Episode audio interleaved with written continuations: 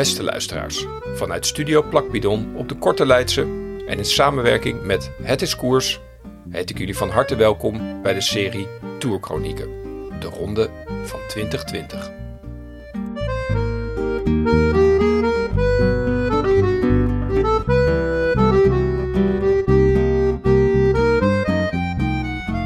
En na dit bizarre slotakkoord belanden we aan bij de allerlaatste en 21ste etappe. Thuiskomen. Een rit van Mantes-la-Jolie natuurlijk naar Parijs, de Champs-Élysées. Over 122 kilometer, een vlakke rit. Le courage n'a pas la force de continuer. Il continue quand vous n'avez pas de force. Aldus Napoleon Bonaparte.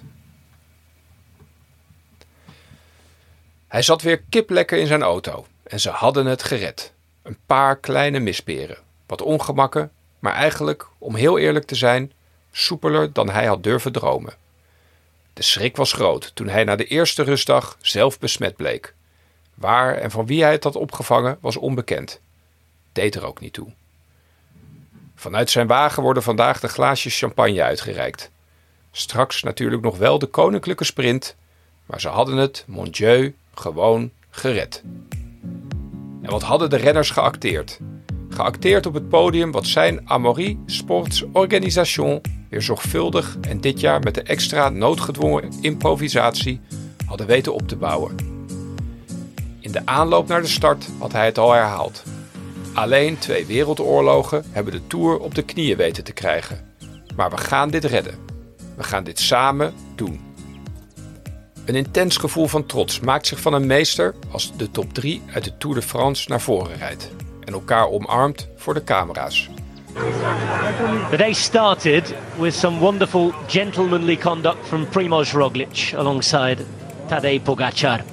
He and his UAE Emirates team celebrating victory just hours after Pogacar had snatched it away with a wonderful time trial performance. Pogacar, die de meest ongelofelijke comeback uithaalde sinds hij koersdirecteur is. Daarnaast Roglic, naar zijn bescheiden mening momenteel de beste ronde renner ter wereld. En iemand waarvan hij zeker weet dat hij hem in de toekomst nog een keer zal feliciteren met de grootste prijs. Maar naast die twee bevindt zich nog een derde man. Daar fietst iemand helemaal op zichzelf. Content. En met een nog grotere glimlach dan het Sloveense duo naast hem. En wat gunde hij het deze man? Jarenlang gereden in dienst van de grote Chris Froome, die de Tour mede dankzij deze kerel al vier keer wist te winnen. Als superdomestiek had Richie Poort altijd tot de laatste snik zijn kopman bijgestaan. Maar op een gegeven moment ervoor gekozen om toch voor eigen successen te willen rijden. En wat was het vaak misgegaan? Richie Poort had vaker de Tour met botbreuken moeten verlaten dan haar daadwerkelijk uitgereden. And Richie Port has won so much throughout his career, Pyrenees, the Tour Down Under, chiefly amongst them. And this victory will have them shine even brighter. This is the defining moment in the career of Richie Port. Third at the Tour. Only he and Cadel Evans have stood on the podium, the top three overall at the Tour de France. Le coureur font la course. Renners maken de. Achterom kijkend dwaalt zijn blik verder over het deelnemersveld. Tussen hen een schare aan grijzige muizen, pelotonvulling, maar ook vele verborgen pareltjes, prachtige ploegen en dappere renners die niet schroomden een hoofdrol op te eisen in het ASO spektakelstuk. Hij ziet de ploeg van Bora, met Sagan in de gelederen een ploeg die geen moment zou opgeven in de strijd om het groen. It's never easy probably. It's never easy like everybody said before uh, it's easy win for me. But uh, it's not true. Met de zege in de 16e etappe van Lennart Kemna werd het harde werken van de ploeg extra beloond. En dan Team Sunweb. Onophoudelijk had dit jongste deelnemende team koers gemaakt. Wanneer er aangevallen kon worden, zaten ze erbij. En ook hun sprinttrein wist te wedijveren met de grootste ploegen. De superstrijdlust kon maar voor één man zijn. Mark Hirschi. Aangevallen, gevallen. tot de laatste snik blijven koersen en zijn toerdebuut opgeluisterd met een schitterende zege. We welcomed him on stage number nine. He was caught 1800 meters from the finish. Today it's not going to be like that. This rider is going to take his first ever victory as a professional rider. The Hurricane descender from Switzerland, Mark Hirschi, wins with a Herculean effort. Stage 12 goes to Mark Hirschi.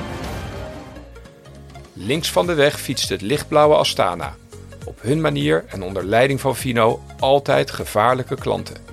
Je wist gewoon dat Fino nooit genoegen zou nemen met een saaie houding. En de ploeg had zeker niet teleurgesteld. Hun aanvalslust had de zesde en zeventiende etappe opgeleverd. Va ser victoria para Superman López. Viene Roglic, viene Pogachar, pero se la lleva Superman en esta pared, que es el Col de la Luz. El Col de la Luz para Superman López. Daarnaast die andere ploeg in het blauw, de Spaanse formatie van Movistar.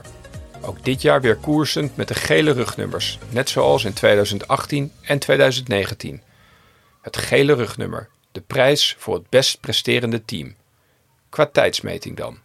Ze zouden er als ploeg niet tevreden mee zijn. Natuurlijk mochten ze het podium straks in Parijs opleuken en zwaaien naar de camera's. Maar als team Movistar geen enkele etappe pakken in de Tour de France, zal in España als grote mislukking gezien worden. Prachtig steekt het geel-zwart van de Jumbo-formatie af bij deze in blauw gesluierde ploegen. Jumbo, de Killer Bees. Naast drie etappes toch niet met de hoogste prijs naar huis. C'est la vie. We really give everything. Uh, we give everything, and uh, yeah, the best one won at the end. Jumbo had er wel voor gezorgd dat de hegemonie van Ineos werd doorbroken. Voor het eerst in jaren was deze hele ploeg nergens te bekennen op de laatste dag. Ze fietsten vandaag wat in de luwte, bij elkaar in de buurt, verscholen in het peloton. Koersend richting Parijs rijdt het overgebleven team UAE Emirates naar voren.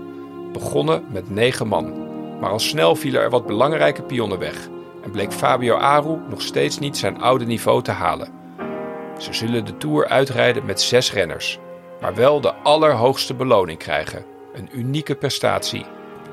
Pogacar komt hiermee ook het illustere rijtje namen binnengefietst van tourdebutanten die meteen het hoogste treedje konden beklimmen. Fausto Coppi, Jacques Anquetil, Bernard Hinault en Eddy Merckx. Niet slecht. This is just uh, the top of the top. Uh, I cannot describe this feeling uh, with the words. Toch even een kort moment van teleurstelling bij Christian Prudhomme wanneer zijn gedachten afdwalen naar de belabberde resultaten van de Franse ploegen. Zonder de langere, vlakke individuele races tegen de klok, maar dit jaar met slechts één enkele klimtijdrit in de geboortestreek van Pinot, hadden de verwachtingen ook bij hen als organisatie torenhoog gelegen. Maar Cofidis kon het in de sprints met nieuw aangetrokken Viviani niet waarmaken. Agé Deuxer zag kopman Bardet met een hersenschudding afstappen. En bij Française Desjeux moest de beloftevolle Gaudu vroegtijdig afhaken, terwijl Pinot nooit volledig wist te herstellen van de val in de eerste etappe. Als Fransman was het natuurlijk zijn ultieme droom ooit nog een landgenoot te kronen in Parijs met het thuisbrengen van het geel. Maar naast Fransman is hij, Christian Prudhomme, bovenal directeur van de Ronde van Frankrijk. En de Ronde is er de laatste decennia steeds meer eentje van en voor de rest van de wereld. Hij had zelf geen enkele historie op de fiets, bakte er weinig van. Maar zijn liefde voor de sport wielrennen daarentegen is immens. En als oud sportjournalist, radio- en tv-commentator weet ook hij precies waar het om draait. Zijn grote voorbeeld en voorganger, oud-tourbaas Marie Leblanc, had het hem meermaals op het hart gedrukt in de twee jaar dat hij Prudhomme de kneepjes van het vak leerde. The Tour must be liked. Leblanc had dit bijval gegeven door het grondwerk te leggen voor de toerstart in Londen in 2007. Prudhomme zet deze trend voort met starts op Corsica, Yorkshire en in Utrecht. Beelden van volgepakte bergen, uitpuilende stadskroegen en algehele volksgekte doen het goed in de huiskamers. De Tour staat dan weer even bovenaan de lijst van meest prestigieuze sportevenementen ter wereld. Juist niet door het binnen de landsgrenzen te houden, maar door de unieke ervaring die een toerstart met zich meebrengt te delen met de rest van de wereld. Bonjour, this is Christian Prudhomme. You can hear my thick French accent. Hello. Join us for the Sportive in London by Le Tour. We had such a grand départ here in Sun and Seven, just unforgettable. Daarnaast wist hij als geen ander dat het kijkende publiek afwisseling nodig had. Te lange etappes over te saaie wegen komen de kijkcijfers niet ten goede. Onder zijn leiding werd er met veel meer aandacht naar het parcours gekeken en zorgde Thierry Gouvenou ieder jaar weer voor nieuwe beklimmingen, nieuwe weggetjes en een route waarbij de beslissing hopelijk pas in de laatste week zou vallen.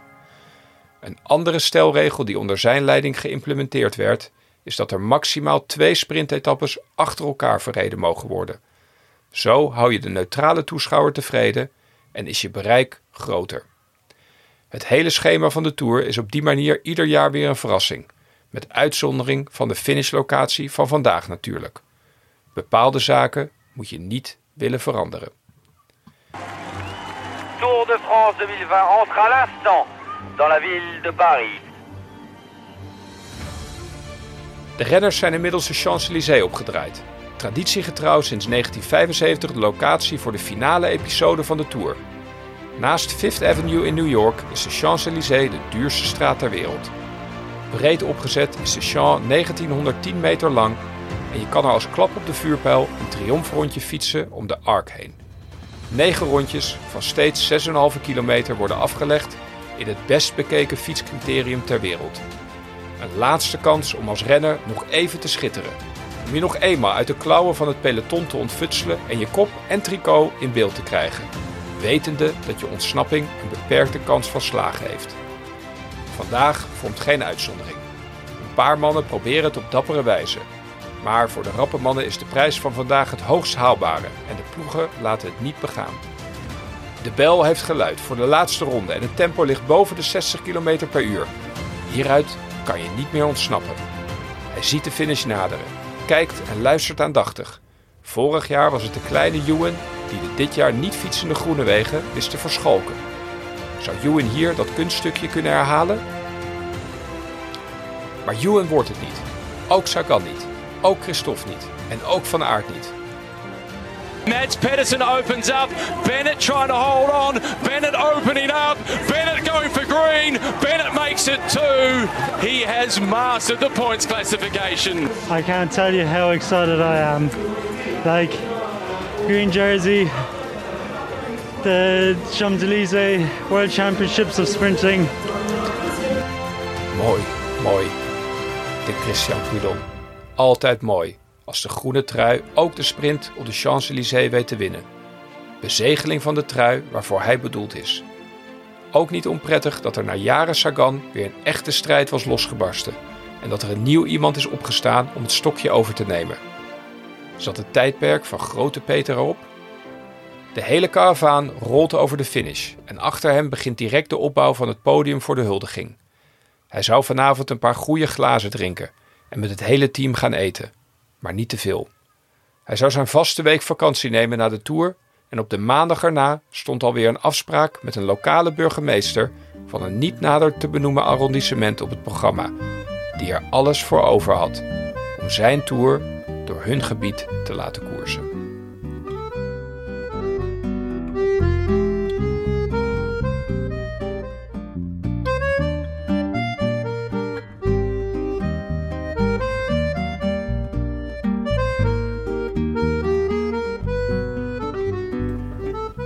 Beste mensen, bedankt voor het luisteren naar alweer de laatste aflevering van de Ronde van 2020 in de serie Tourchronieken.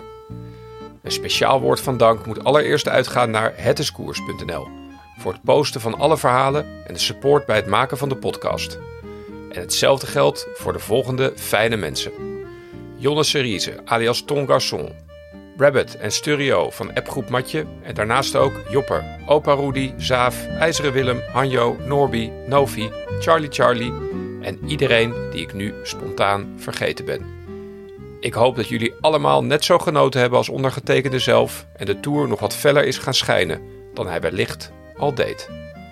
Bedankt en tot de volgende!